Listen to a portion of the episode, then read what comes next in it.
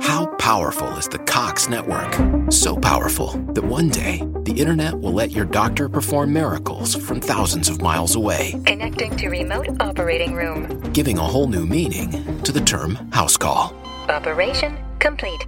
The Cox network, with gig speeds everywhere, it's internet built for tomorrow, today.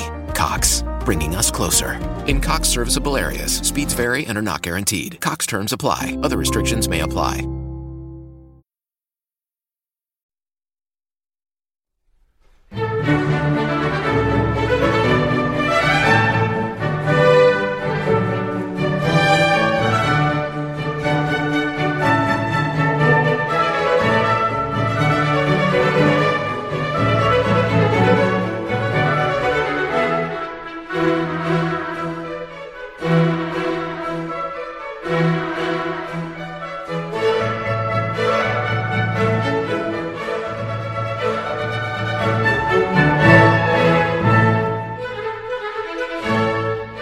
Kommer ni ihåg att i ären svenskar så ropade den unge konung Karl under sitt mannaprov på slagfältet. Ödet vägde sin vågskål till Karls fördel och det mesta i livet gick enligt hans vilja, förutom längden på livet kanske. Han blev blott 41 år gammal. Då förstår många att jag inte talar om Karl XII, vars liv ändades ännu tidigare, vid 36 års ålder. Ämnet för dagen är istället hjältekungens fader, Karl XI, som är nog så viktig för hjältekungens framfart. Inte bara för att Karl XII inte hade funnits utan fadern, utan för att Karl XI gjorde viktiga insatser för rikets välmåga. Pappa Karl lade grunden för sonens framgångar i fält genom bland annat goda statsfinanser, enväldig monarki och nyorganisering av hären. Och med mig på den här härliga resan om Karl XI och hans tid har jag en tapper man som säkert har sagt till sig själv, kanske rent av på slagfältet, kom ihåg att du är svensk, Robin. Jag talar förstås om min kollega Robin Holmgren. Välkommen! Tack så mycket. Kul att vara tillbaka nu när det är sommar och allt. Ja, det är härligt. Eh, Härligt att ha dig här och, och härligt, eh, ja, med allting. Ja, jag vill bara passa på att säga det att eh, just den här podden, där har vi en lyssnare att tacka för. För att under årsmötet i föreningen så kom den herre fram och ja, dels gav oss en hel del eh, goda vitsord, men eh, föreslog även att vi skulle göra fler poddar om svenska kungar. Ja, Så här det. är vi nu. Ja, där är vi nu. Ja, jo, man vill gärna göra det. Eh, Man ska bara kunna pressa in det. Ja, nej, men det är klart, vi får fortsätta den här framfarten bland kungarna. Ja. Har vi hunnit med någon annan kung? Nej, inte du och jag i alla fall. Eh, Nej. Men det är ju så att alltså, de här poddarna tar en hel del längre tid än vad det tar att eh, göra filosofipoddar eller någonting sånt där. Så det krävs mycket mer arbete. Eh, Ja, kanske det gör jag. Mm. ja, för mig i alla fall. Du, Ja. du, du kommer väl ihåg allt som... Nej, absolut inte. Jag är tvärtom, jag glömmer ju allting. Fruktansvärt är det att glömma så mycket. Men jag, jag har ju böcker, några böcker hemma. Man kan alltid slå i dem, men man får ju, man får ju läsa till förbannelse när man glömt allt.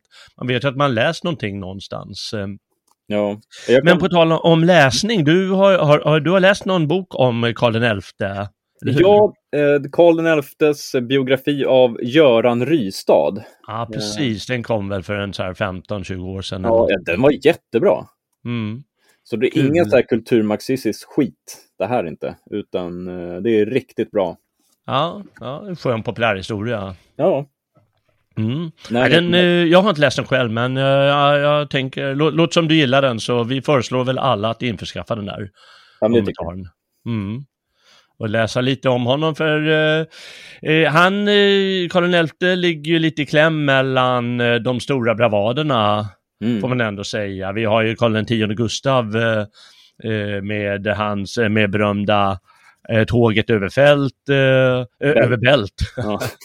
Och så har vi Karl XII givetvis och så har vi Karl XI däremellan. ja, och innan dess Gustav Adolf den store. Ja, precis ja, ja verkligen. Eh, men eh, han, han går inte av för hacken ändå, Karl XI. Som jag sa, dels så lägger han grunden för Karl XIIs härjningar, mm. eller möjligheter att härja, ska vi kalla det för. Ja. Och dels Ja, liksom, det är också en, en stor grej att stabilisera riket. Man kan tänka på Gustav Vasa också som en sån mm. ganska hårdhänt givetvis, men ändå och får, får eh, balans i riket så det inte spretar och, och går sönder och så som, som ofta händer. Nej, eh, någonting som kommer gå in på lite senare i podden är just eh, Karl XIs arbete med att skapa det byråkratiska Sverige eh, mm. i dess allra mest positiva egenskap.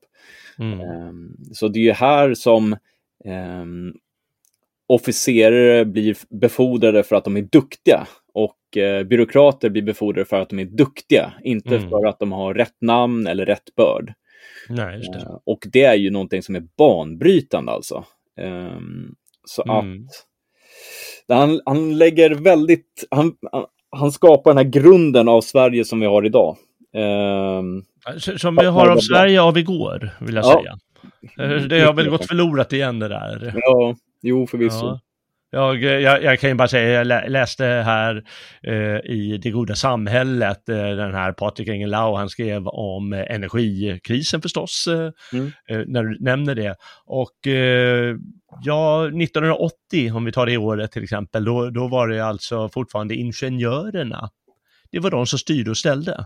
Ja och såg till att, eh, ja men hur, hur arbetar vi med energi och hur organiserar vi det hela eh, och så. Och de senaste 20 åren, eh, eller mer egentligen, har det istället varit politikerna som har försökt ta över arbetet. Och ja. med tanke på intelligenskvot, medelintelligensen hos våra politiker idag, Annika ja. Strandhäll, eh, Anders Ygeman och grabbarna, så kan du förstå vilken katastrof Mm. Eller varför den här katastrofen finns.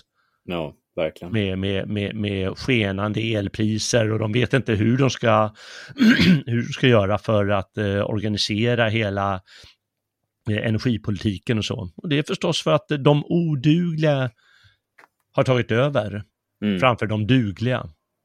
Som Karl ja. XI la grunden till, men som sossarna sent om sidan lyckas kvadda.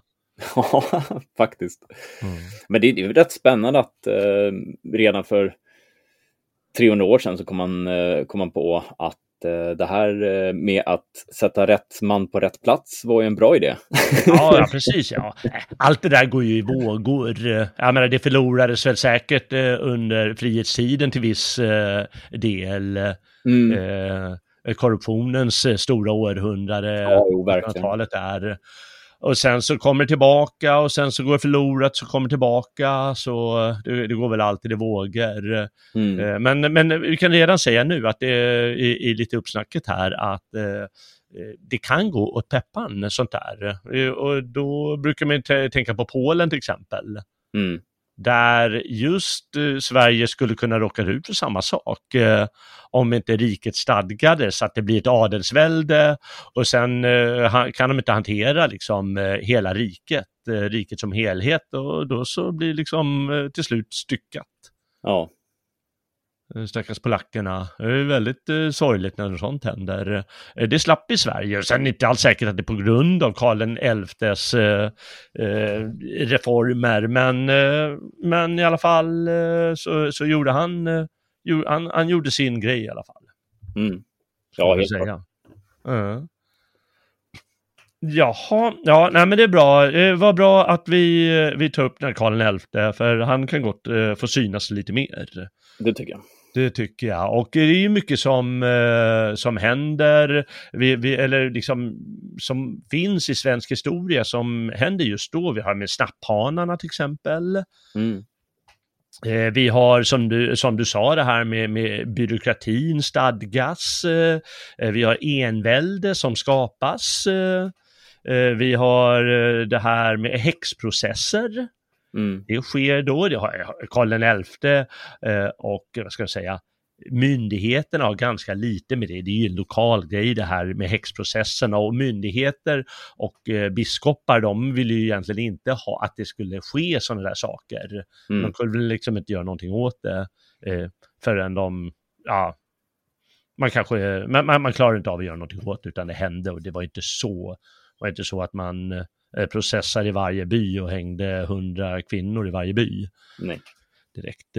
Eh, men, men det hände i alla fall och eh, ja, det är en del spännande saker att ta upp så eh, nu kör vi va?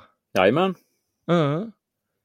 Och eh, någonting får man väl bara se bakåt. Han dog ju rätt, rätt eh, vad heter det, rätt hux eh, flux, eh, fadern. Mm. Fadern Karl den tionde Gustav då, 1660. Och då var han var bara fyra år då va? Ja. Unge Karl. Mm. Men han, han var ju Kung, han blev ju kung så att säga, även om han inte blev, kom på tronen. Så ärvde han tronen till det mäktigaste riket i norra Europa. Mm. Men vårt eviga problem här uppe, särskilt när vi ska kriga i, i världen och försöka göra, oss vår, göra vår röst hörd, det är ju att det, det, det bor väldigt lite människor i Sverige. På den tiden var det kanske mindre än en miljon i eh, själva Sverige och sen fanns det ju liksom ett antal hundratusen i Finland och så lite i kolonierna eller vad man ska kalla det för. Mm. Eh, så väldigt, eh, och det är ett ganska fattigt land trots allt om man jämför med, med liksom, ty vissa tyska områden och Frankrike och England och så vidare. Ja. Och tydligen så var, det var ju dåliga statsfinanser redan, eh, re, redan då. Trots alla eh, fördelar man hade av framgångar i krig och så vidare så det är ju svårt att få, om man håller på med krig och sånt, så är det svårt att få statsfinanserna att funka. Verkligen. Ja, bara under, alltså under förmyndarregeringen eh, som kom till då i och med att eh, konungen var för, eh, han var ju bebis liksom. Mm. Eh, alltså, skulderna uppgick till över två års inkomster för kronan. Ja. Det, det, det är så mycket så att det är, det, är svårt att förstå. Ja, det är svårt att förstå. Ja, då, ja, då talar vi liksom om innestående löner från den militära och civila förvaltningen. Så det är att människor som inte har fått lön på flera år. Ja, ja precis. och, och, det är väldigt svårt att tänka sig i dagens samhälle. Men... Ja, det är det verkligen. Men man måste nog tänka att det var ett helt annat samhälle då. Jag menar, folk gick ju oavlönade för sina ja. arbeten. De fick ju pengar på annat sätt. Ja. Ja. Ja, det måste alltså det är ända in på 1800-talet.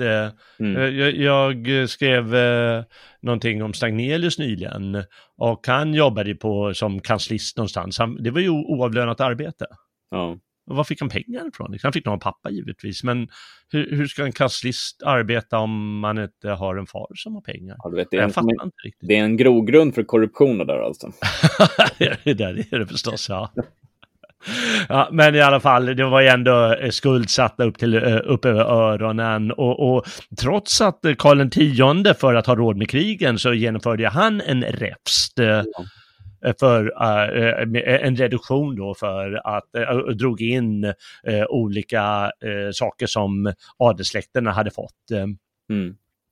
Uh, och, men det, det räckte ju inte långt. Och förmyndarregeringen, uh, de ville väl mest uh, hålla Sverige utanför krigen. Mm. De ville liksom hålla en ganska enkel profil, men gjorde visst inte så mycket åt, vad heter det, åt finanserna och liksom få det att stadgas, utan ha lite status quo mest. Ja, precis. Och eh, med det sagt så alltså enkedrottningen och eh, högadeln, det var ju de som styrde hela Sverige. Ja. Eh, och högadeln har ju alltid varit de som har tjänat mest på krig. Eh, för det är de som har fått alla godsen. Mm. Eh, godsen i sig blir då skattebefriade. Eh, så, Ja, ja. Så det Karl XI kom in i, det, det var ju ett väldigt stort missnöje för att ju fler som adlades, eh, ju, ju fler blev skattebefriade Mm. eh, och ju, ju högre blev ju då skattebördan på de ofrälse Mm. som skulle bära det här skeppet. Ja. Eh, och framförallt med alla de nyadlade släkterna under Karl X, Gustav och Gustav Adolf den store. Eh, Mm. Då talar vi främst då för officerskåren och byråkratin där det var tvungen att vara adel. Eh, det, det gjorde ju att det blev ehm, ohållbart i längden. Ja, Det kanske går i ett land som Frankrike där det finns en, liksom en bondepopulation som är väldigt, väldigt, väldigt, väldigt stor. Oh ja. Men i Sverige, liksom det är så folkfattigt här så, ja. Ja, det, de lyckas inte lösa det. Och kan man, det, det, det är ju det där att man har en, uh, det är ingen som tar tag i rodret riktigt. Uh, Nej. Det, ja. Ja, det är väl bara så helt enkelt. Det är inte, så, det är inte ovanligt och det är inte konstigt och det sker, det sker i alla länder eh, på den här tiden, säkert tidigare och efteråt också. Ja. Ja, det var bara att eh, han på något mirakulöst sätt lyckas Karl XI komma in precis när det var dags, eh, kanske. Vi får väl se. Eh, men han var ju ung då i alla fall. Som mm. du sa, han var fyra år gammal när fadern dog och eh, förmyndarregeringen tog över. Och kan du berätta lite om hans ungdomstid? Ja, det finns väl inte hur mycket som helst att tillgå eh, när det kommer till information, utan det vi har är ju en del saker av, från eh, italienaren Magalotti. Mm. Var, var det en, en, en diplomat i Sverige eller? Ja, en italiensk diplomat. Lorenzo mm. Magalotti. Mm. Um, då ska vi se. Du, du, du, ja, precis. Han har ju skrivit en hel del om um, Karl XIs lärare. Ja. uh, och han kritiserar då um, Christer Horn uh, som var en, en av lärarna till uh, Karl XI och mm. kallade honom citat en godmodig man som tyckte om att äta och dricka och ägde alla de goda egenskaper som okunnigheten kan medföra. Du pratar om läraren alltså? Ja. och när det kom till den andra läraren Gripenhjelm då. Han är tämligen enfaldig och känner mycket lite till denna världens angelägenheter. Men han är en man med goda seder, tar sig inga rus och är en gudfruktig man eller låtsas vara det. Och just när det kommer till Gripenhjälm så kan vi uh, se igen ganska mycket av uh, Gripenhjelms beskrivning i uh, Karl XIs uh, personlighet. Mm. Och hur han agerar under sin regeringstid. Okej, okay. ja. men ja, det råder väl inget tvivel om att han hade dyslexi. Nej, just det, nej. Och då, om jag inte missminner mig så var det någonting även som Karl XII hade, va? Ja, så var det va? Jag kommer inte ihåg, men eh, när, när du säger det klingar något. Och det gjorde ju att man trodde ofta att Karl XI var dum. Men det ja. var han ju inte, utan han lärde sig ju liksom allting utan till. Mm. Eh, I alla fall, men han kunde ju inte skriva liksom. Nej, just det. Eh, nej, nej. Och det kan man se då i hans almanackor som han skrev ganska Precis. ofta som en form av dagbok då. Eh, att det var en hel del skrivfel då. Mm, mm.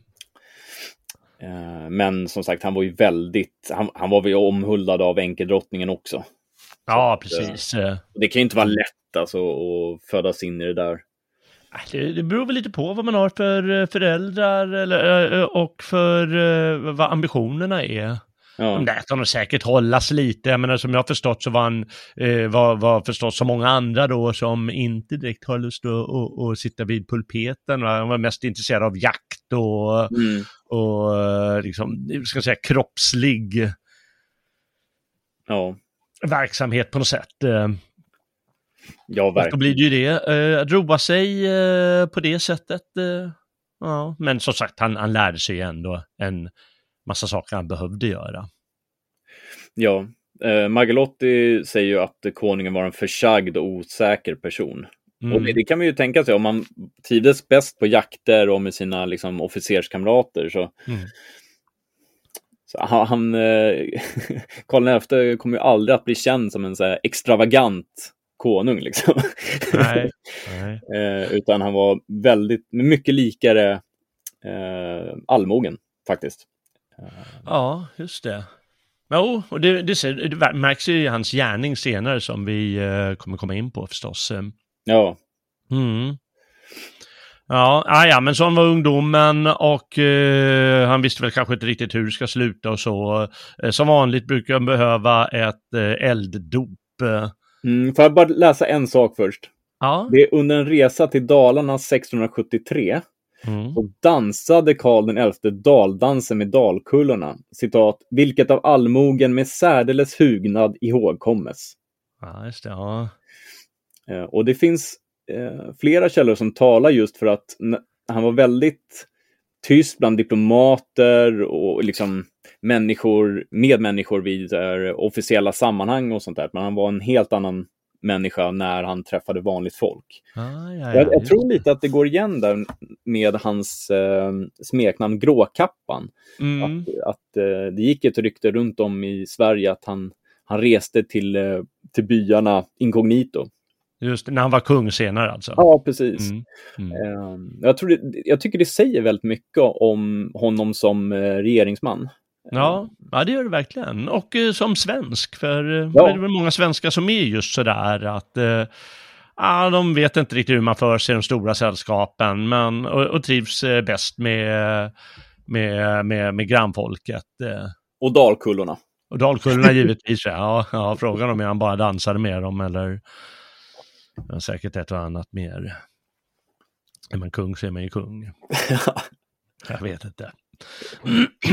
Nåväl, eh, tiden eh, slog sig ju på honom och, och riket så småningom. Mm. Och eh, eh, det blev ju som jag har förstått press framförallt från franskt håll. Ja. Sverige hade ju sedan flera årtionden fått subsidier av, av Frankrike mm. för att eh, hålla ja, Frankrike, Frankrike, Frankrikes grannar i styr mm. lite. Och det gjorde man ju eh, med besked får man säga ändå. Ja. Eh, och eh, då drogs, därmed drogs ju genom fransk press eh, Sverige in i krigen på kontinenten igen som förmyndarregeringen ändå hade lyckats hålla utanför, men nu tyckte man ja men det är jäkligt bra med de här, om vi får extra skjuts med pengar som vi behöver nu. Mm. Och eh, ja, då får vi väl ändå eh, förklara krig med de här Brandenburg. Mm. Och då gick man i krig med Brandenburg, en liten skidstat då faktiskt. Eh, och det blev ju en, lite av en susning i, i på kontinenten när, när svenskarna förlorade. Mm. I eh, något slag vid Berlin. Och eh, då, eh, då, var de indragna och eh, i och med förlusten mot, eh, och det var liksom ingen stor grej den här förlusten, det var liksom en så det var inget jätteslag och det var ingen så här, betydde inte så mycket, men eh, liksom, det sätter ändå, folk får upp ögonen och då passar de ju på att förklara Sverigekrig förstås. Danskarna vill göra tillbaka de, eh, ny, de nyvunna eh, landskapen, mm. Skåne, Blekinge, Halland. Och Holland förklarar krig och eh, vilka mer? Ryssarna kanske? Ja, just ryssarna kommer jag inte ihåg. Nej. De höll vi i stången, men ja, de hade väl interna problem då, under den tiden de också. Mm. Ja, kejsaren givetvis eh, förklarar krig, va? Alltså den eh, tysk, tysk-romerska kejsaren. Ja. ja. Så att eh, det, det fanns en hel del motgångar. Ja, det var ju det. Och, ja, och det här skedde alltså 675 då, då kungen alltså var... Hur gammal är han då alltså? Han är 90 19 eller 17 eller något sånt. Eh. Mm. Ja, i slutet av tonåren. Eh. Och eh, det går ju väldigt fort. Va? Danskarna de besätter, de, de besätter Skåne mer eller mindre. Och de får hjälp då av de här snapphanarna. Ja. Eh, jobbiga typer, vad ska man kalla gerillakrigföring.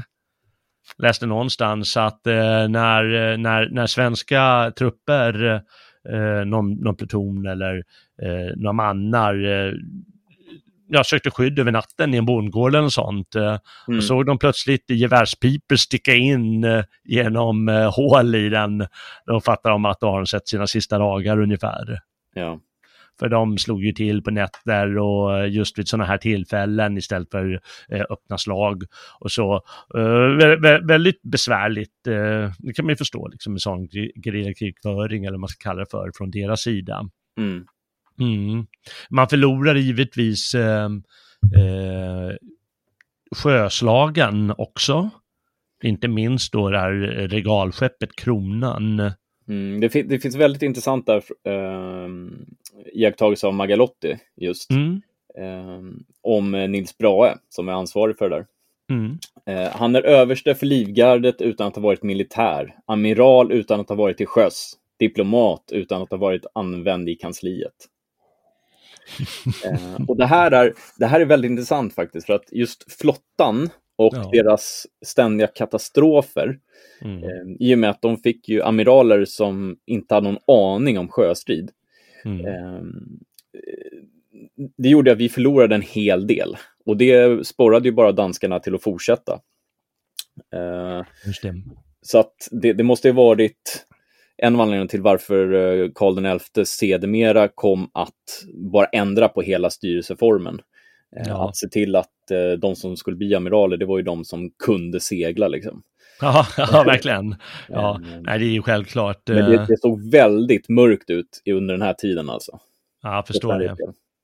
Ja, ja, precis. Ja, ja verkligen. Eh, för- Måste ju förstå liksom, ha, oj då, nu ska vi förlora halva riket nu igen. Eh, Ja, Det är väldigt rika län, eller landskap där, eh, de södra. ja eh, Skåne där. Mm. Och strategiskt viktiga givetvis. eh. Mm.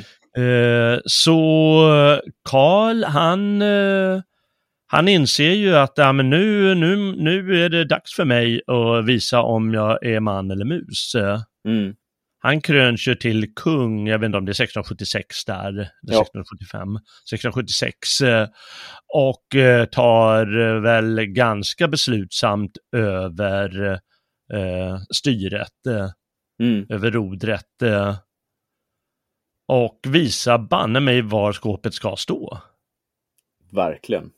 Det, det, det mest berömda av alla de här slagen är förstås det vid, slaget vid Lund eh, Mm. i december 1676. Eh, eh, de flesta har ju gått i vinterkvarter och danskarna hoppas att svenskarna ska hålla på riktigt. Mm. eh, men han, eh, han tycker att ah, vi måste ju, måste ju, måste ju strida. Man känner igen liksom den här unga eh, Karl XI som hellre är ute och jagar än eh, läser böcker. Och eh, hellre tar en fight än att hålla på med diplomati eller något sånt. Va? Och han söker ju mycket strid. Ja, Och, men, men redan före Lund har han eh, och hans mannar då vunnit eh, några mindre slag. Absolut. Till exempel, så han fick ju sitt elddop vid slag vid, i Kristianstad, Mm, eh, vid Långebro där. mm, Eh, och det, det är så typiskt eh, för att, eh, vad var det det står? Eh, han blev förbaskad över sina egna trupper för att eh, de hade förstört en bro, vilket underlättade för danskarna att retirera. Nu Mm. redan ju ner en ganska stor del av danskarna i alla fall, men eh, han vill ju då krossa arméerna. Eh, Mm, han det. ville inte låta någon eh, fly iväg. Då. Det, det påverkar lite av, eller man, man ser där under de skånska krigen där att eh, han är ute efter att totalt krossa allt. Eh, och försätter sig gärna i kanske inte helt optimala situationer för att uppnå Nej. det syftet. nej. Eh, nej han, han fick väl lite rykte av att ja, men, oj, oj, nu kommer ungtuppen här. Ja, rätt så. Mm. Men Men- det gick ju ganska fort saker och ting. Eh, Ja, o ja.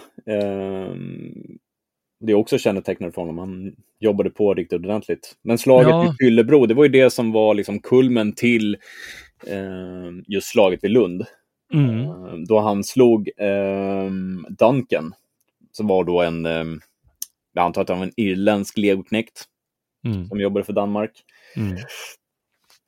Ehm, och sen eh, när han hade slagit dem då så gick han in, tog över Helsingborg och eh, det var först då, det här var alltså mitt under vintern, Mm. eh, så det var ju, det fanns ju ingen mat, det fanns inget salt, vattnet var dåligt, så att det var en hel del sjukdomar i den svenska hären.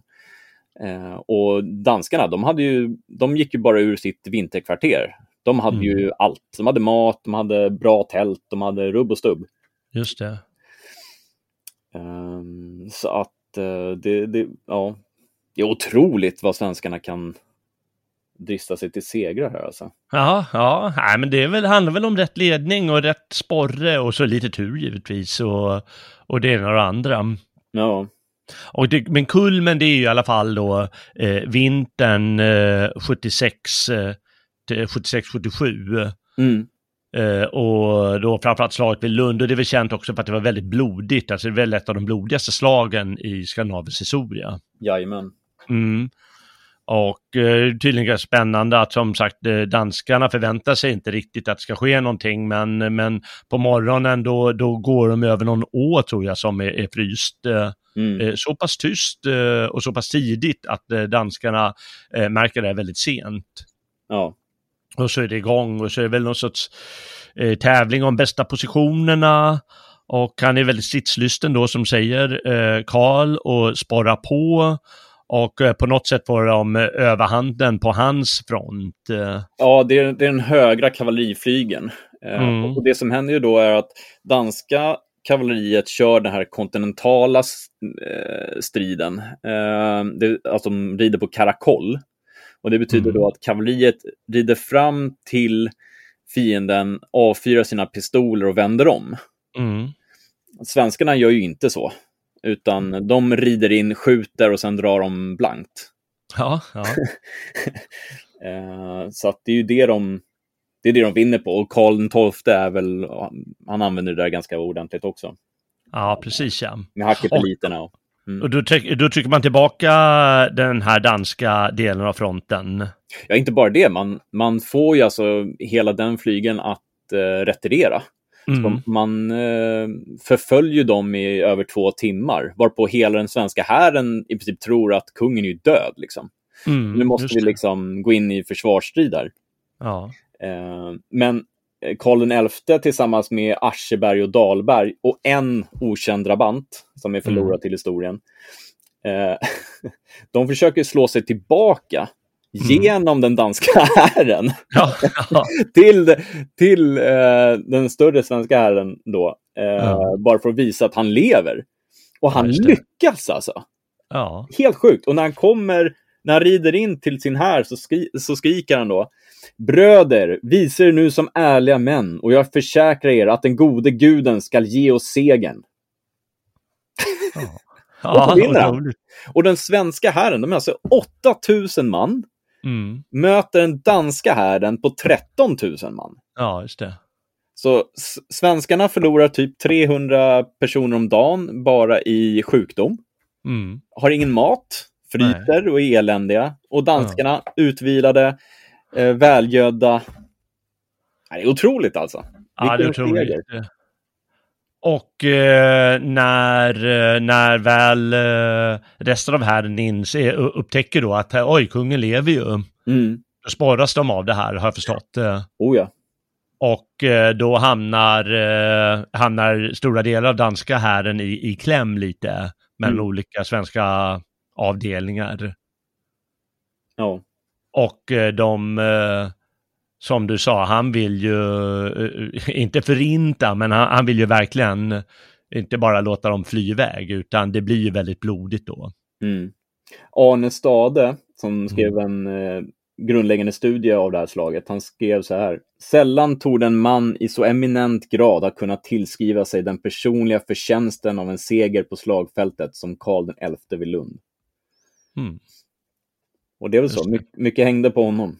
Ja, ja självklart, eh, självklart. Och eh, det är mycket möjligt att det var eh, övermodigt det han gjorde, men ja, gick ju hem den här gången. Ja, Och det räddade ju faktiskt den svenska staten, för annars är det mycket möjligt att danskarna då tagit tillbaka de här södra, södra delarna av landet. mm.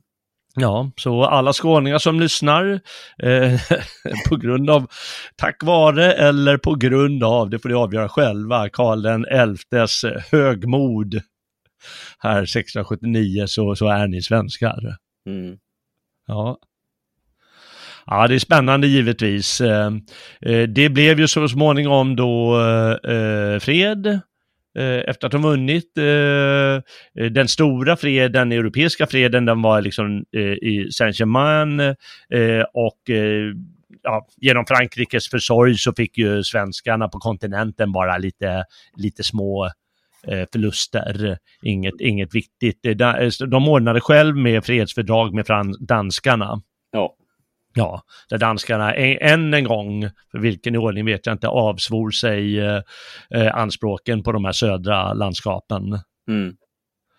Och eh, eh, Sverige kunde gå till en 20-årig fredsvila. Ja, otroligt under den tiden. Då. Ja, just det. Det var ganska ovanligt va, för då var ju var man alltid i krig. Men eh, det, det, kunde man göra nu. Eh, de lugnade sig väl danskarna och tydligen så, eh, han var ju förlovad nu med en, med en dansk prinsessa. Jajamän. Det var ju inte ovanligt förstås att, uh, tycker alla är så konstiga, men hur kan han bara gifta sig med en dansk prinsessa så här?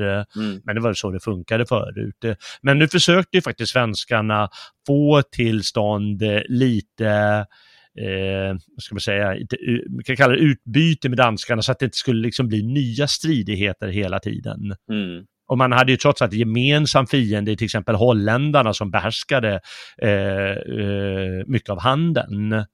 Ja. Eh, och engelsmännen kanske också. Ja. Eh, så det fanns ju liksom skäl att samarbeta, eh, samarbeta och det, det försökte man väl göra lite mer. Ja, för övrigt så var han gift då med Ulrika Eleonora. Ja, precis ja. Och det är också en väldigt intressant sak som jag inte hade någon aning om, men som framkommer en hel del i boken. Mm. Att, uh, han, han var ju rätt känslokall, uh, mm. Karl XI. Mm. Uh, men när Ulrika Eleonora låg på dödsbädden, för hon var väldigt sjuklig, ja, just det, ja. så förändrades han som man. Han mm. lämnade inte hennes sida och han tog hennes död jättehårt. Alltså. Ja, just det. Ja. Det har jag också läst. Ja. Men det är någonting som inte jag kände till sen förut. Jag tycker det är väldigt eh, romantiskt när man läser om det. Just att... Ja, ja verkligen. För det, fanns, det är väl... Det fanns väl ärliga känslor där. Ja, ja. Det, det, blir väl det med, med de här kungarna och, och andra som lever så speciella liv. Mm. Att de, man, man, man slås lite, eller det, det, det, det, vad ska jag säga, det framhävs plötsligt deras olika inställningar vid olika tillfällen och det syns extra noga. Mm. Och i hans fall, som du säger, att han var, ni, han var väldigt nitisk sen, Karl XI, oh. i sitt arbete och, och med få riket stadgat och så vidare. Eh, och, och, och var gudfruktig och så vidare. Och då som du säger, de här känslorna plötsligt eh, märks, eh, när han tidigare varit ganska känslokall och så. Mm. Så liksom märks det väldigt tydligt, det blir som kontrast. Mm. Det är spännande. Oh ja. Han var människa trots allt. Eller? Eller? Ja. Ja, sen så kommer ju eh, i, eh, vad ska jag säga, kölvattnet av kriget, då blottades ju alla problem mm. som fanns i riket. Eh, och man skyller ju alltid på förmyndarregeringen och, eh, och nästan alltid får ju eh, Magnus Gabriel de la Garde skulden. Mm som eh, det var, det var han som var högsta hönset då under eh, den här förmyndarregeringen. Ja. Eh, och eh, då skulle ju det, då skulle genomgås räfst ordentligt. Och det var väl en, en lång granskning då av en kommission som granskade, hade på, pågått ett tag, Eh, ända sedan kriget, kriget bröt ut. Eh, en kommission om eh, hur förmyndarregeringen hade skött rikets finanser mm. och liknande. Och liksom själva armén och flottan och så också givetvis. Mm. Och den kom väl med kungen och hans rådgivars goda vilja till slutsatsen att det var ju fruktansvärt vad de hade gjort. Ja. Ja, det, det är den berömda riksdagen 680 då mycket av det här eh, kommer fram och eh, eh, ett och ett par år framåt i tiden mm. då det genomförs stora delar av liksom, stora reformer av riket och just Sverige går mot envälde och tar tillbaka mycket av sånt som man belånat eller lånat ut till de här adelsmännen och, och, och gett dem och så mm. och ta tillbaka via det de kallar reduktionen. Den stora reduktionen, ska jag säga på en gång, att sådana här reduktioner, det har ju funnits flera gånger tidigare. Mm. Det har gjorts eh, eh under 1500 och 1600-talet tidigare. Det är väl helt naturligt, det görs väl i alla, alla länder. Men nu gjordes det med, eh, med, med råge. Ja, med en helt annan nit skulle jag säga. Och med en helt annan nit. Inte, en, inte ens, eh, alltså de närmsta rådgivarna till Karl XI kom undan. Och de var okej okay med det. Nej, precis. Eh, för att alla ja. förstod att eh, här fanns det, konungens plan var viktigare än deras egna eh, lösören liksom. Ja, precis. Ja. Jo, jo, han var väldigt nitisk eh, på den fronten. Eh, eh, och det är därför man kallar det för reduktionen här. Ja. Alltså i historieböckerna står det alltid, och då tänker alla på den som, eh, som skedde då. Även om det skett både före och efter reduktioner. Mm. Mm. Men, eh, men då, då brukar man också prata om att eh, det, det, fin, det fanns en liksom inneboende eh, stridighet eller schism mellan då högadeln givetvis och lågadeln. Och du sa ju då de här lågadeln som, eh, som kunde vara eh, tjänstemän eller militären, eh, lägre grader i militären utan att få lön på flera år. Ja, och de hade ju inga gods, utan de var ju helt beroende av statsmakten liksom. Alltså för Exakt. sin tjänst då. Ja. Och det fanns ju många röster där givetvis som, som ville ändra det. Ja. Eh, och eh, då handlar det förstås om, eh, om, om, kungen som person och hans eh, närmsta rådgivare och då givetvis få med sig de andra ständerna då. Mm. Eh, borgare och bönder och så när, när, när det ska till här. Och eh, han hade ju framför allt också eh, hjälp av högadliga personer. Mest känd är väl eh, vad heter han, Johan Gyllenstierna. Ja. Som var väldigt eh, nitig, som tillhörde högadeln men antar man då eh, insåg att eh, här måste det förändras. Eh, här mm. måste det till en, en hård reduktion. Nu dog han redan 1680 men han la väl lite grunden till det och, och hade smitt ganska mycket. Ja, han var ju fram till sin död eh, Karl XIs närmaste medarbetare. Så att...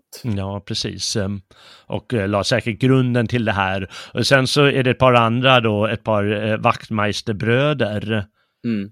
Som, som är ledande, eller åtminstone ansiktet utåt i den här processen när man så att säga eh, sätter högaden på plats eh, mm. i, vid riksdagarna och i, i Riddarhuset och överallt var de här överläggningarna går till. Ja.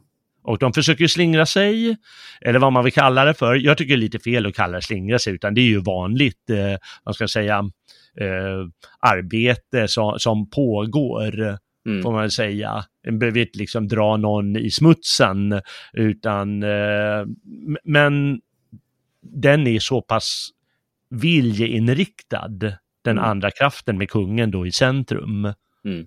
Och det, det brukar väl stå hur, hur det brukar stå ibland, eh, har jag sett, eh, att eh, bönderna har fått, eh, alltså bondeståndet har fått skrivelse i handen vad de ska säga. Mm.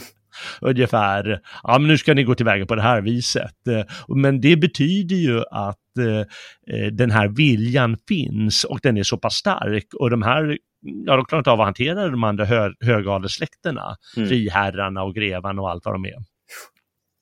Mm. Och då blir det räfst. Jajamän.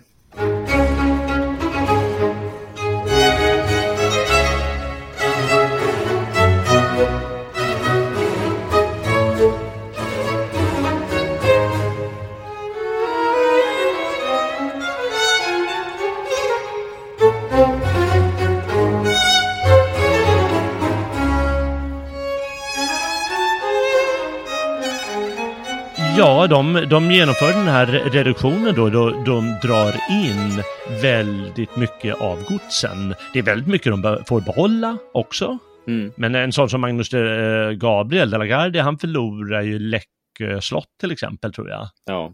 Ja. Otroliga summor alltså. Det är... Ja, det är otroliga summor det är det ju. Och bara slottet i sig. Ja. Ja. Och sen alla gårdarna runt om. Och...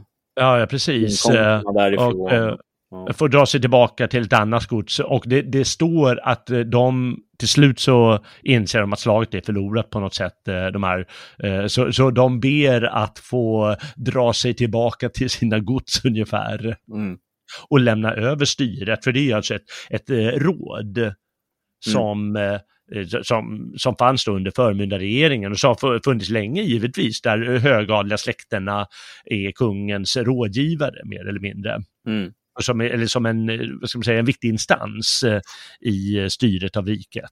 Och det är ju viktigt med sån balans och när kungen blir alltför enväldig, du kan ju gå åt peppan om han styr dåligt. Så det behövs ju med sådana maktbalanser att så det, ja, så, så, så inte makten koncentreras för mycket. Mm. Många gånger.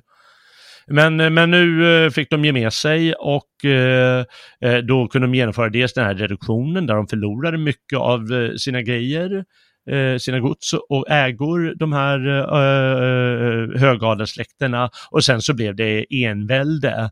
Och då så är det väl så att kungen, de frågar riksdagen eller något utskott i riksdagen om han måste styra enligt regeringsformen 634 eh, utarbetad av Axel Oxenstierna, tänker jag mig, eh, med dess olika tillägg. Det finns mm. ett antal tillägg då. Eh, och om man måste följa eh, råd från rådet, alltså man måste följa rådsråde, mm. som står i historieböckerna. Eh, och då kommer man fram till att eh, det måste han inte alls göra. Utan han kan, han, är en, han är enbart styrd av lagen, men inte rådet och inte den här regeringsformen som eh, ja, olika lagmän eh, tolkar som att ja, men det står ju det här och det här och det här och det här och det behöver man inte följa. Utan han är myndig att härska, är enbart ansvarig inför Gud. Det underlättar ju saker. Ja, ja verkligen. Eh, nu är inte Sverige ensamt, utan det här sker ju på flera håll i Europa. Mm. Så de eh, blir ju inte chockade antar jag, adelsmännen, utan ja, det är samma sak i Frankrike och eh, på andra håll. Mm. Mm. Eh, men de får i alla fall veta sin plats och de blir tjänare istället för en myndighet kan man säga. Och därmed sätts ju givetvis, vad heter det, grunden för du, vad du säger då, ett tjänstemannavälde. Ja. Snarare. Och nu ska vi inte, ska vi inte dra för stora, eh, vad säger man? Eh, vi, vi, vi, ska dra, vi ska inte dra för stora slutsatser av det här, utan det kommer ju givetvis nyrika adelssläkter som gör karriär på grund av de här reformerna. Oh ja, men vi målar med bred pensel. och får stora gods. Vi målar med bred pensel, så att... Men jag tycker ja, det kan vara intressant, för att envälde är ju på tapeten i Europa under den här tiden. Mm. Men om du jämför det franska enväldet med det svenska enväldet så är det mm. otroligt stora skillnader. Ja, verkligen. Så eh, Ludvig den XIV, han, eh, han levde ju ett väldigt eh, ett offentligt liv. Mm. Det fanns liksom ritualer för alltihop. Att, mm. eh, hans medarbetare kom in och fick vara med när han åt frukost och klädde sig och alltihop. Allting var liksom ritualiserat. Ja, just det. Karl XI var ju precis tvärtom.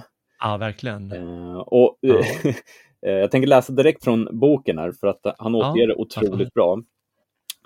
Uh, inte ens i samband med riksdagarna fanns mycket av glans och pompa och i sin klädel ansågs Karl XI uppseendeväckande enkel, för att inte säga torftig. Mm. Eh, den brandenburgska diplomaten Christoph von Brandt, som vistas i Stockholm 1682, återkommer ofta till Karl XIs sparsamhet och enkelhet i livsföringen. Hans hela och enda prakt består i hans gardesregemente till fot och drabanterna, som är väl klädda och betalas bra. Kungen själv, han går tarvligt klädd. Den brandenburgska besökaren har aldrig sett honom i annat än en broderad, mycket sliten rock med en liten halsduk. uh, det står så här att uh, hans klädsel var alltså omvittnad av många. Oftast hade han en åtsittande blå rock under ritter och jakt bar han höga ryttarstövlar. Hans vapen var en stor, stor huggvärja. Um, och det låter ju liksom väldigt mycket som att Karl XII tog efter sin far på det här sättet. Alltså. Mm, just det.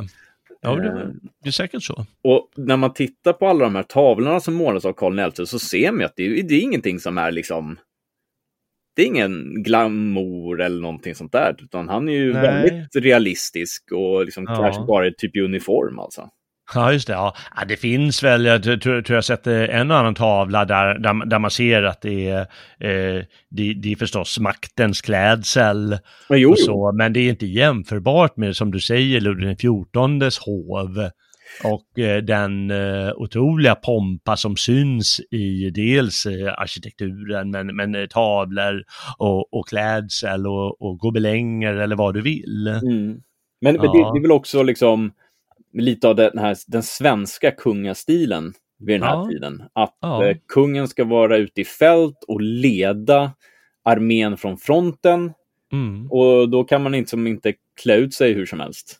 Nej, Om du och ser tal om... liksom, Eh, Ja. den- stora tavlan som målades av, om eh, Karl den elfte efter slag vid Lund, då har han ju Mm. sin uniform och så sitter han på sin häst Briljant. Liksom. Just det. Ja. Men Och på tal om klädsel så, så är ju eh, uniform, den här nya svenska uniformen, och Mm. det kommer vi komma in på snart, eh, eh, den här karolinska uniformen, den är ju gemensam för alla. ja, Eh, och den är ganska torftig. Jag tycker den är väldigt vacker. ja, Men eh, jag antar att den är torftig jämfört med många andra länders eh, finare uniformer. ja, men säkerligen. Mm. Och det, det säger ganska mycket och, och det, eh, det, det visar ju en mogenhet hos kungen. För ett problem med den här schismen mellan högadel och lågadel var just också de här ceremonierna Ja. och etikettsregler och allt vad det är. Att eh, ja, men han måste gå före dig eh, vid det tillfället och då måste du buga på nacken vid det tillfället. Eh, och eh, fastän vi egentligen är jämbördiga och jag har varit viktigare i fält än vad du har och så vidare så inser ju alla att det blir en sorts orättvisa. Ja, Eh, och den är ju naturlig den där orättvisan, men, men någon gång så hamnar man där det inte funkar riktigt. Eh, och det var ju tydligen det eh, som, som rättades till genom Karl den elfte. Och han tog sin plats i det hela. mm.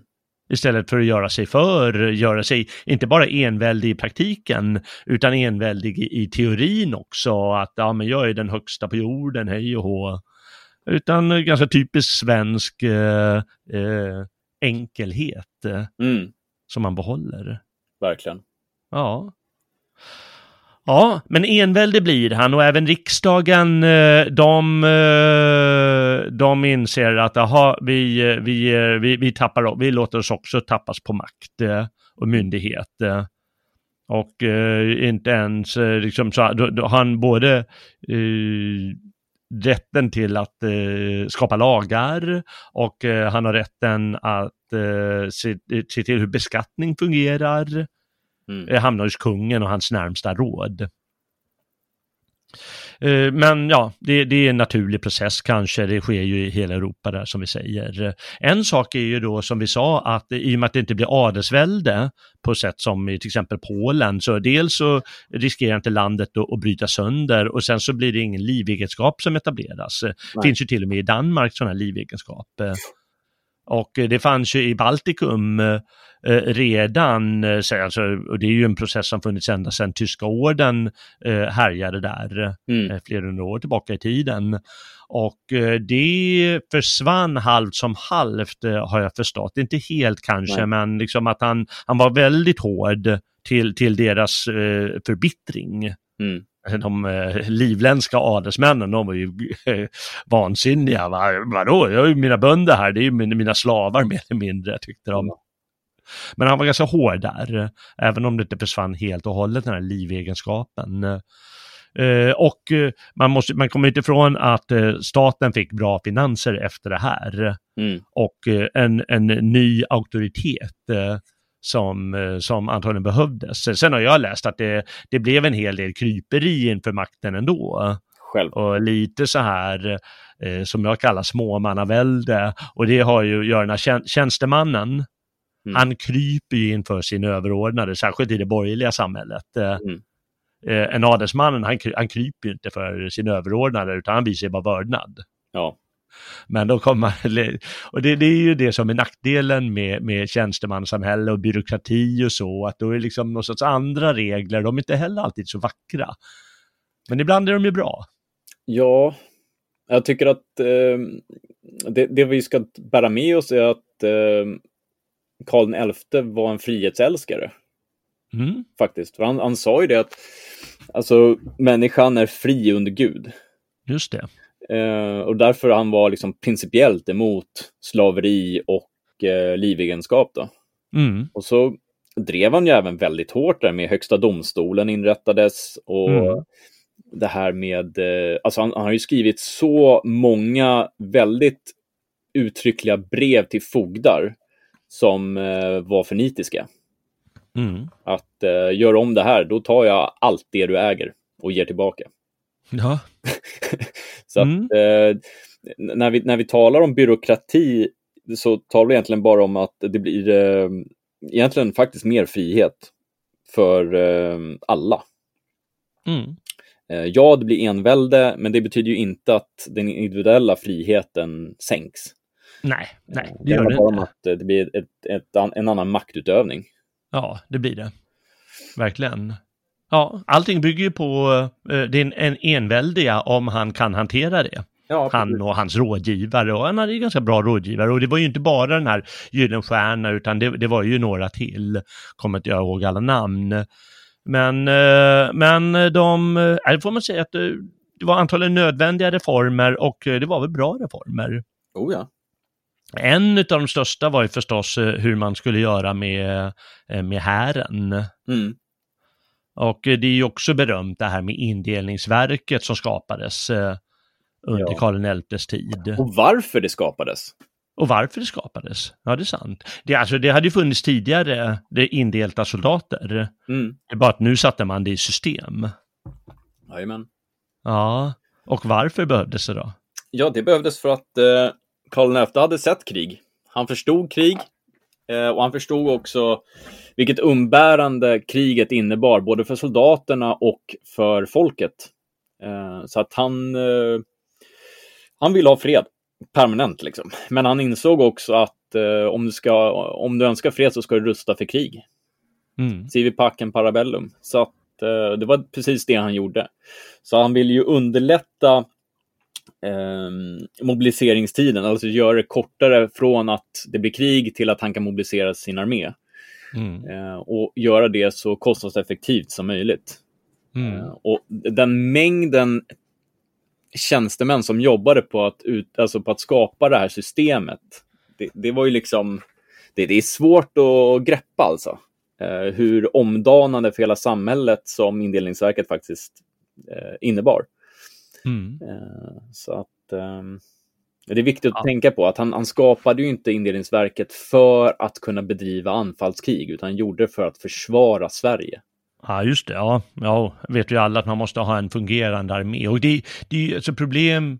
Alltså det, det är väldigt många bra grejer med det här. Det, det är ju, vi svenskar gillar nog det extra mycket. Och särskilt folk i det fria Sverige hör man som gillar hemvärnet och gillar värnplikten eh, och så vidare.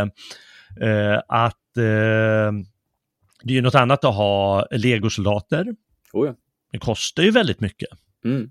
Mm. Och eh, dessutom har man ganska osäkra element som att nej men vi skiter i det här nu, vi har inte fått betalt. Eh, Och det är Ja. ju rätt, ja då, då, då strider de ju inte och sitter man i skiten.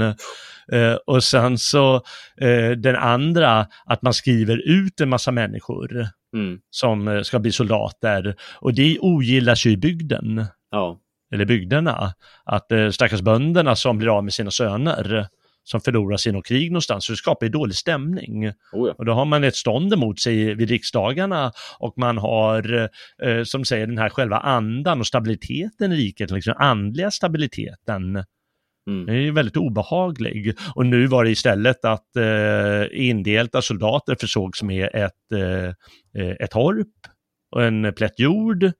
Eh, åtminstone de som inte hade eh, råd att ha det. Som plötsligt kunde ha det och kunde bli småbonde Ja.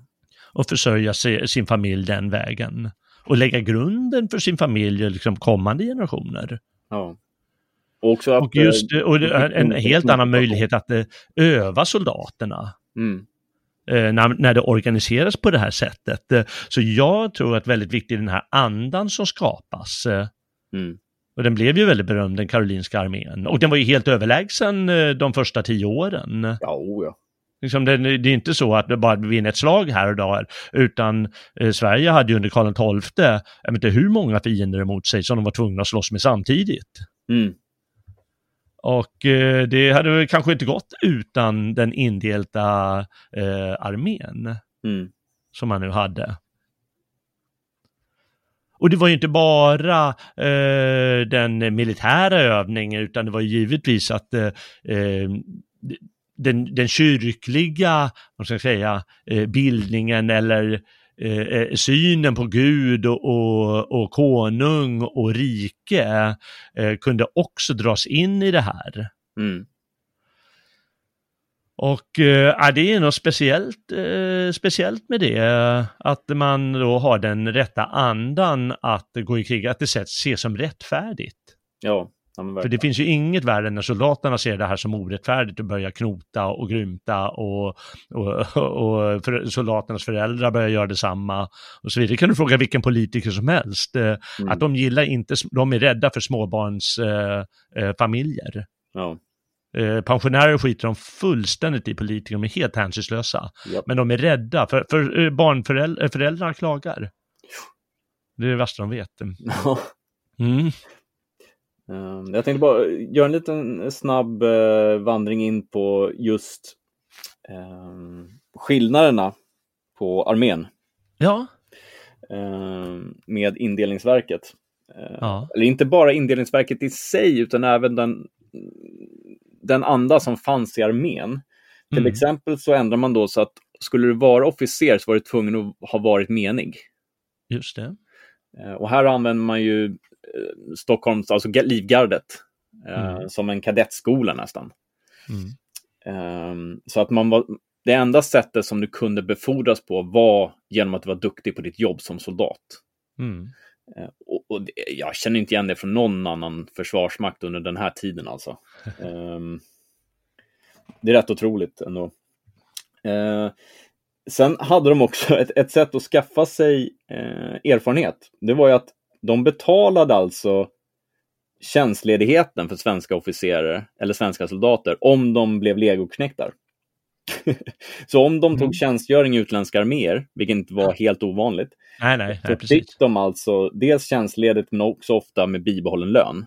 Ja. För att göra det. Och det var helt enkelt för att stärka den svenska armén. Då. Ja, just det. Ja, det var ju smart.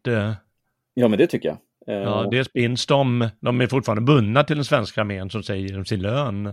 Och så får de erfarenhet utomlands. Ja, det står ja. där bland annat vid krigsutbrottet 1700 så hade inte mindre än två tredjedelar av gardets officerer deltagit i krig under främmande fanor, franska, kejserliga eller holländska. Mm, och det vinner man väldigt mycket på. Ja, det gör man.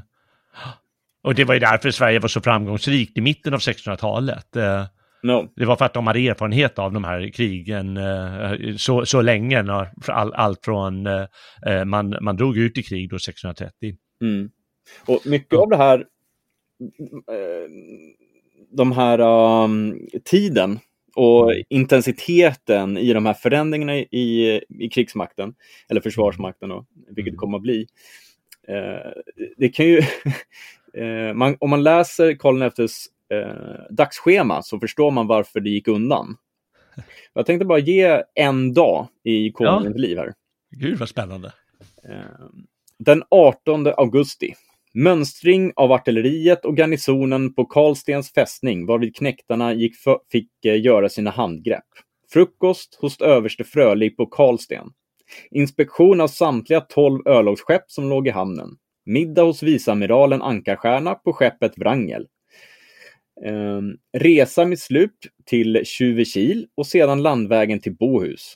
Sedan till ett bröllop för generalauditören Falström på en gård utanför Göteborg. Därifrån klockan 11 på natten ankommande vid middagstiden följande dag till Höjentorp. Um, och det var en dag.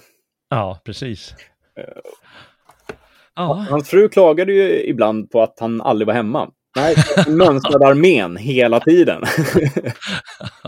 ja, som Napoleon. Napoleon hade full kontroll över, ja. över jag vet inte hur, hur många kanoner. Han visste ju, ja men du ska stå en kanon här. Mm. när han var runt på inspektion. Jag tycker det är så typiskt, för då, det här är en man som verkligen eh, ser till att det blir rätt. Ja, verkligen. Ja, är som du säger, grå, gråkappan. Ja. Han åkte runt i riket, ibland förklädd. Ja. Och säkert ofta till soldat. Då. Ja, precis. Ja.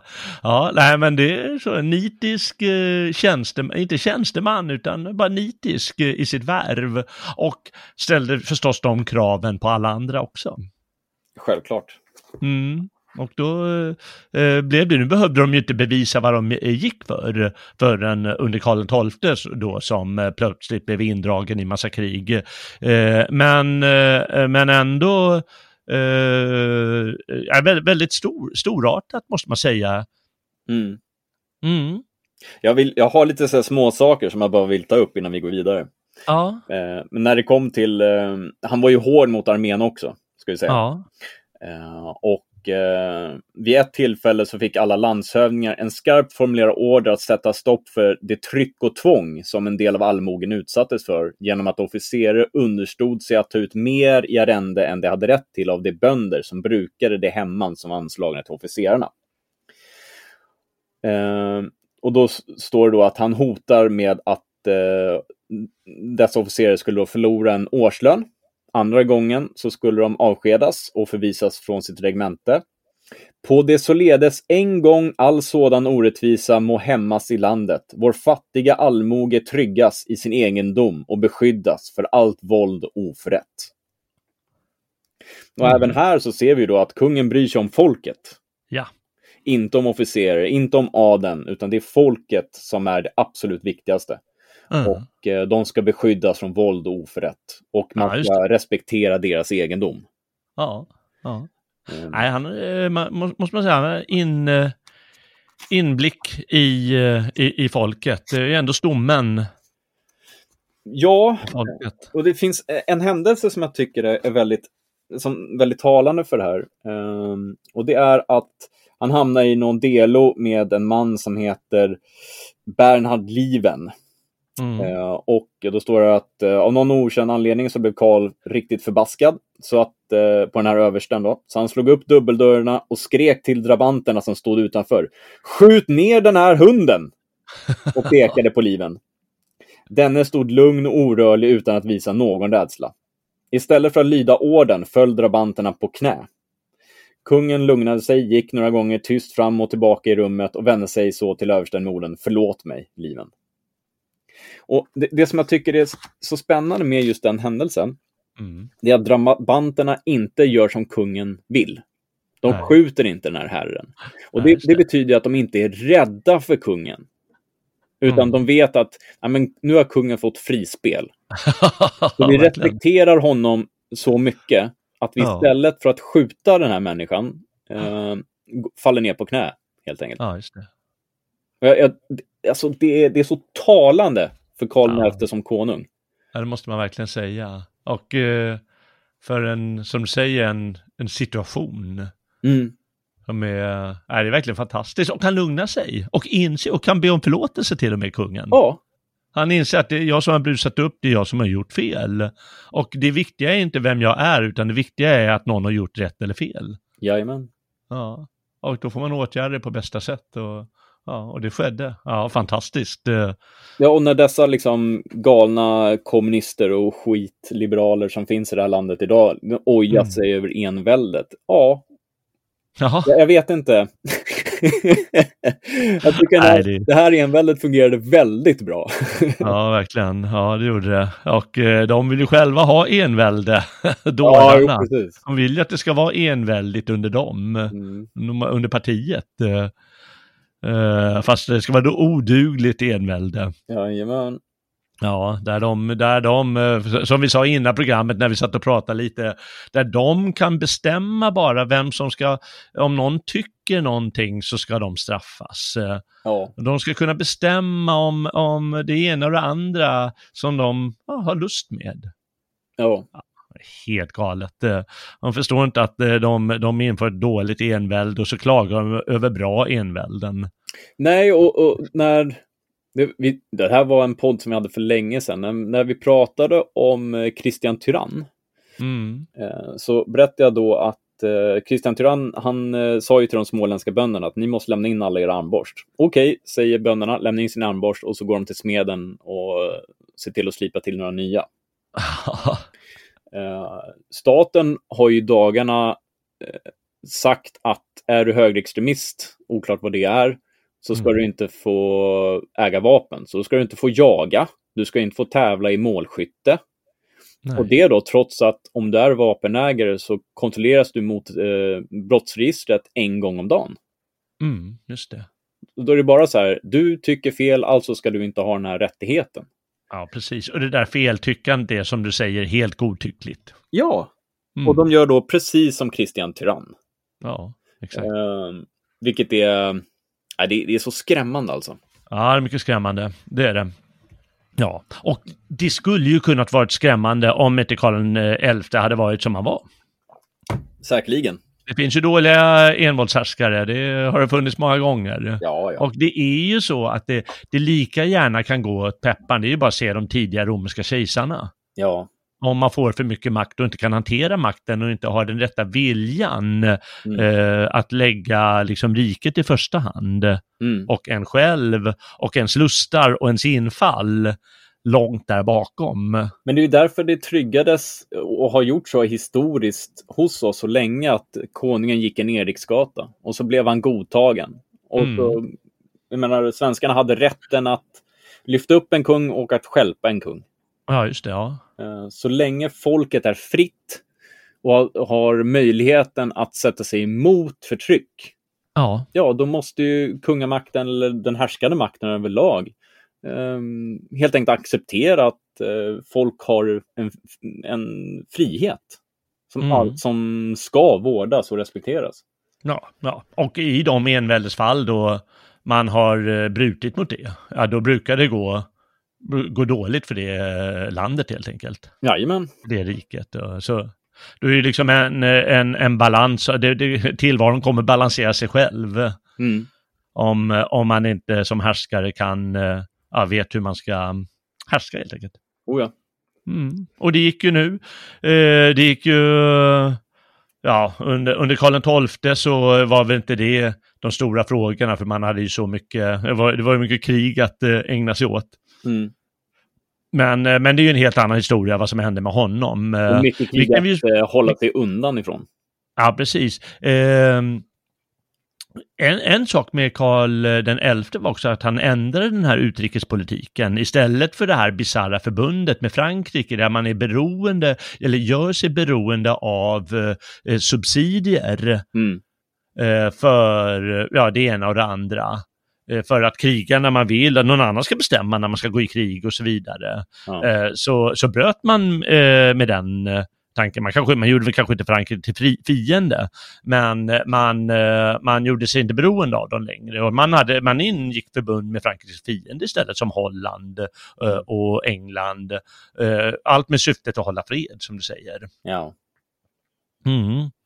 Så, så även den eh, kan man se hur, hur, hur kungen eh, ändrar. Sen eh, åker man ju, till sist åker man ju på de vanliga fienderna givetvis eh, Mm. eh, under Karl XII. Det är ju Danmark och det är ryssen och det är Polen och, och, och det är Sachsen och Brandenburg och så vidare. Ja. Men, eh, men man, ja, man, man ändrar inriktning i alla fall, antagligen på ett eh, helt vettigt sätt. Och man lyckas ju ha fred då, en väldigt lång fred som du sa ja. ovanligt lång. Mm. Och eh, gjorde ju massa andra liksom, olika näringar, så gruvnäringen eh, stimulerades. Eh, för tanken var ju hela tiden att ja, men vi ska liksom få ett bra rike där med bra finanser och så vidare. Ja, kulturen gick sin gilla gång, va? det var ju mycket som hände tidigare också på grund av all rikedom som kom adelsmännen till, till dels eh, eh, tidigare, i mitten av 1600-talet. Eh, Mm. men eh, det byggs eh, storverk nu.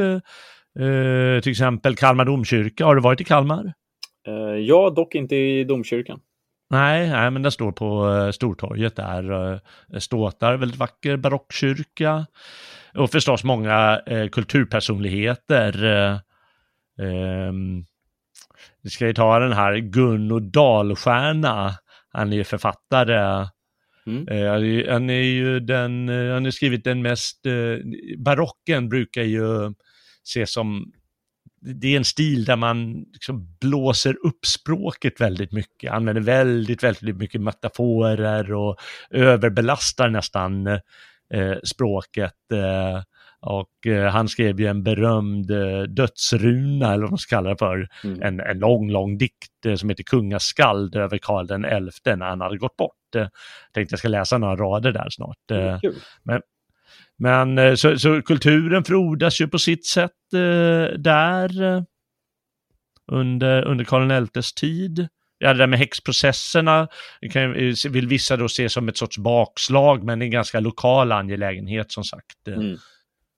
Eh, ingenting som ja, kung, har med kungen att göra eller har med liksom, förvaltning och, och sådana grejer att göra, utan det är mer lokalt förankrat. Eh, hemskt kanske, men, eh, men har inte så mycket med riket eh, i sig att göra. Nej. Kanske en nitisk eh, kristendom i vissa fall, men som sagt, de flesta präster de tyckte det var ganska besvärligt med de där häxprocesserna. Ja.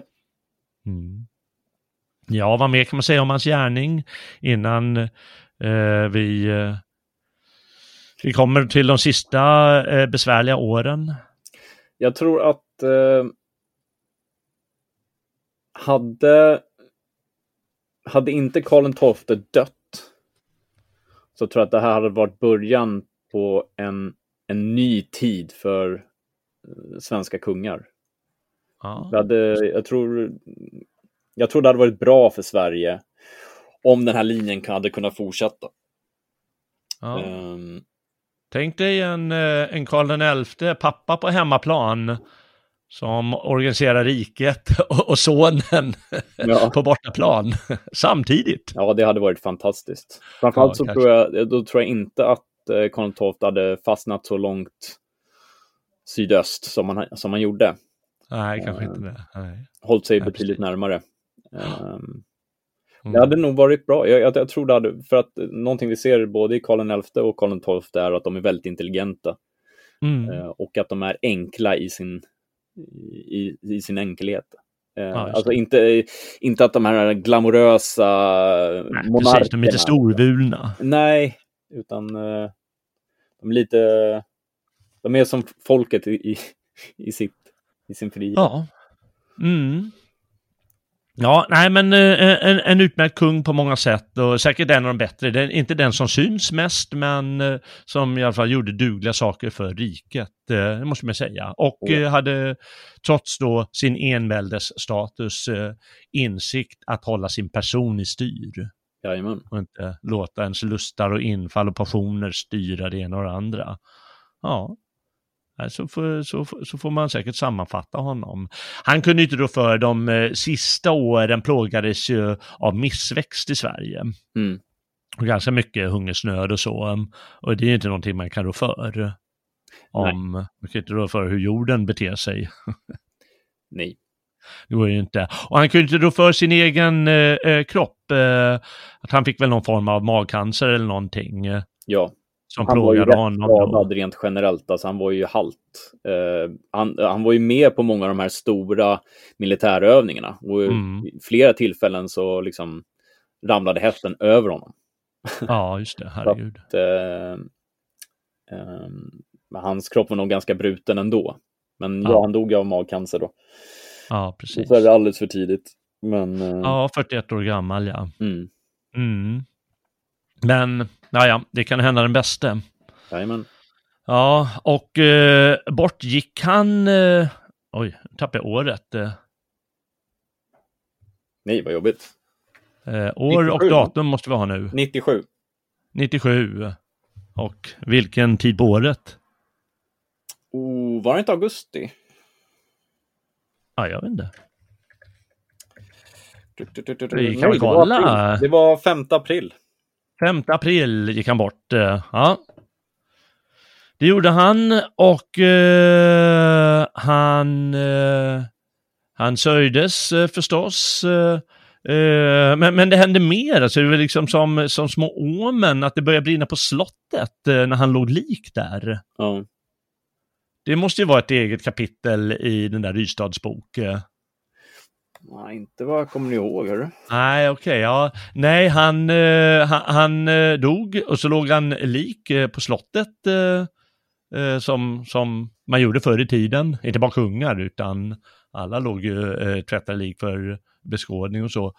Eh, och så, så brann det på slottet, de var ju tvungna att, att som under, mitt när det brann som värst, att han måste ut med kungens lik, skit i tavlorna. Förstås. Eh, mm. Och så brann det och härjade. Eh, man lyckades rädda liket då så att han kunde gravsättas eh, som sig bör. Och eh, till hans minne så skrev som sagt eh, eh, poeten Gunno Dalstjärna en lång dikt som heter Kungaskald.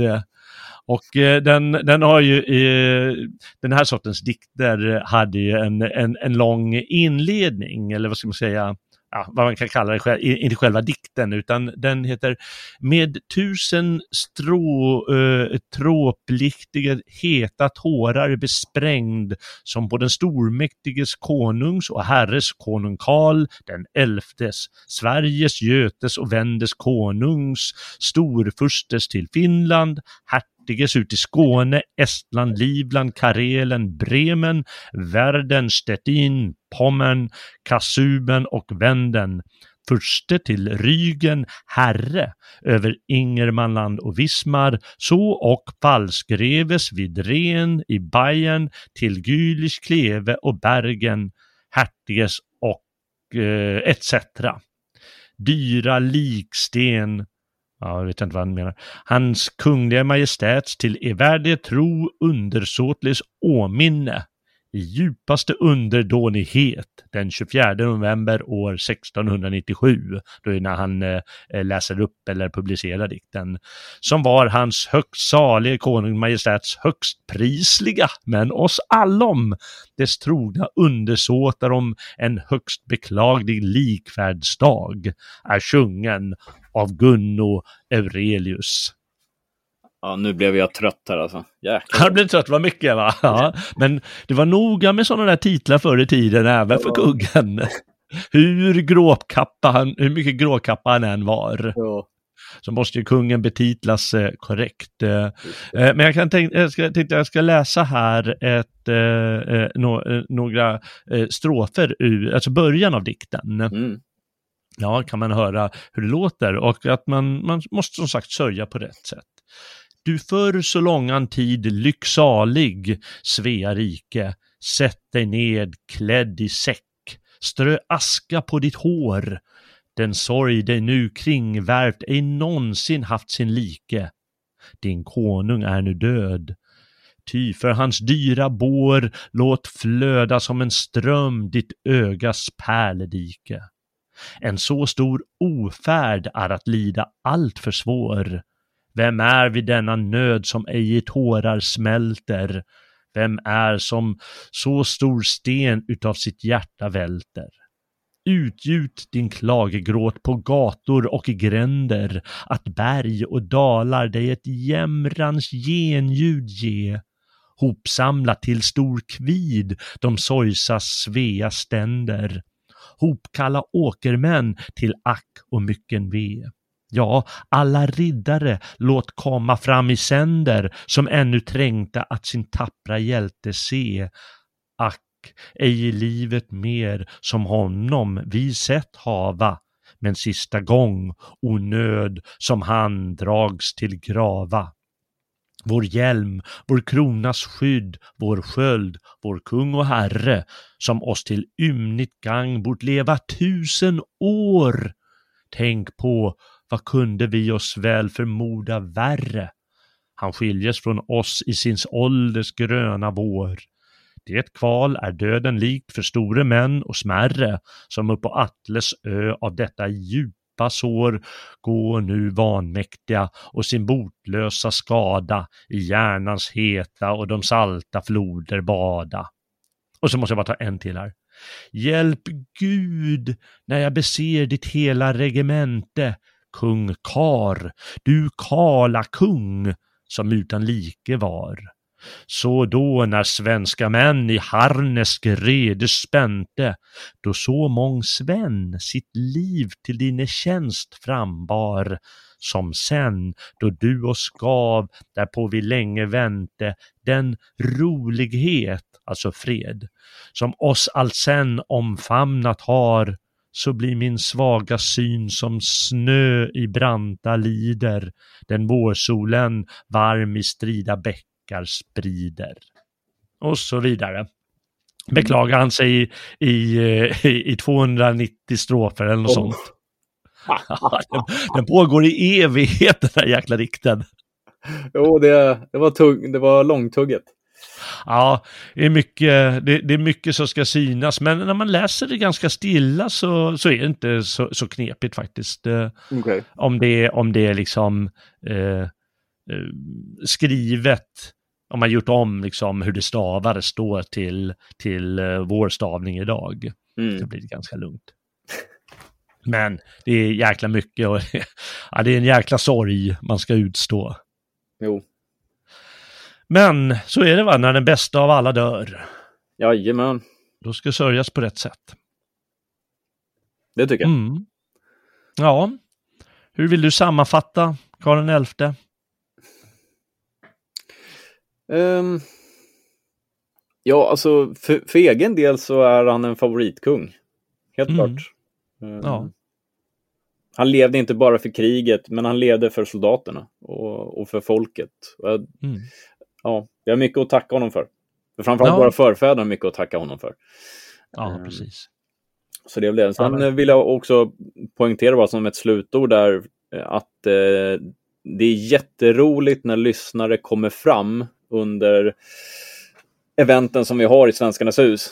Ehm, och som tackar för vår podd. Det tycker jag är jätteroligt.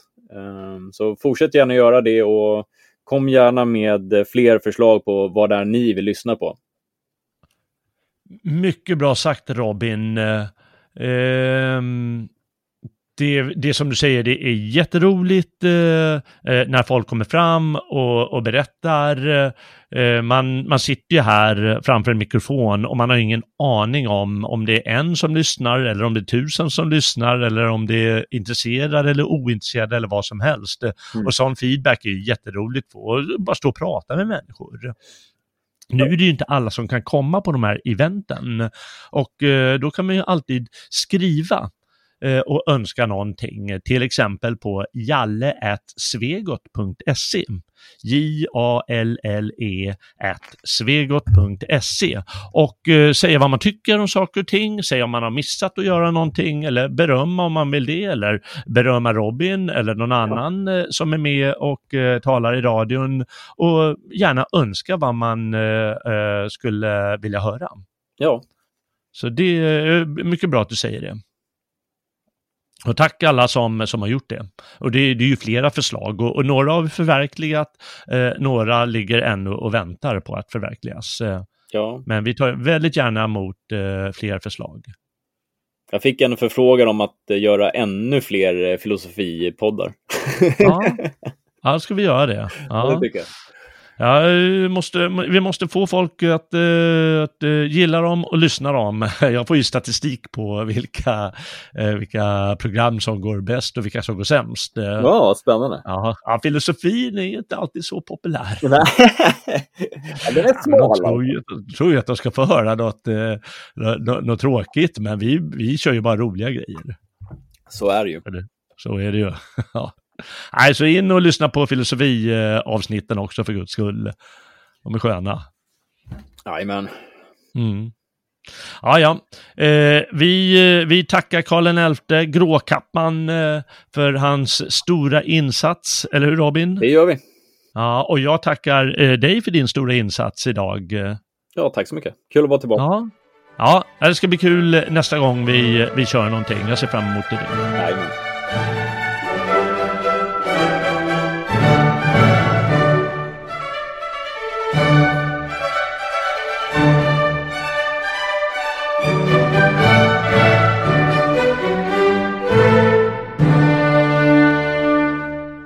Tack också du som har vandrat med på gamla nya stigar idag med mig eller hon och med Robin Holmgren.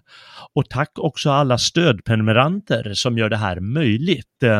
Eh, du vet väl att du kan stödja Svegots verksamhet genom en stödprenumeration eller en donation. Och om du vill bidra så är det bara att gå in på svegot.se och klicka sig fram den vägen. Stödprenumeration eller donera, eh, de, eh, det är enklast. Och på svegot.se kan du också se alla eh, våra andra program som finns och tidigare avsnitt på gamla och nya stigar. Eh, nu säger jag tack för idag i väntan på nästa vandring. Väl mött frände!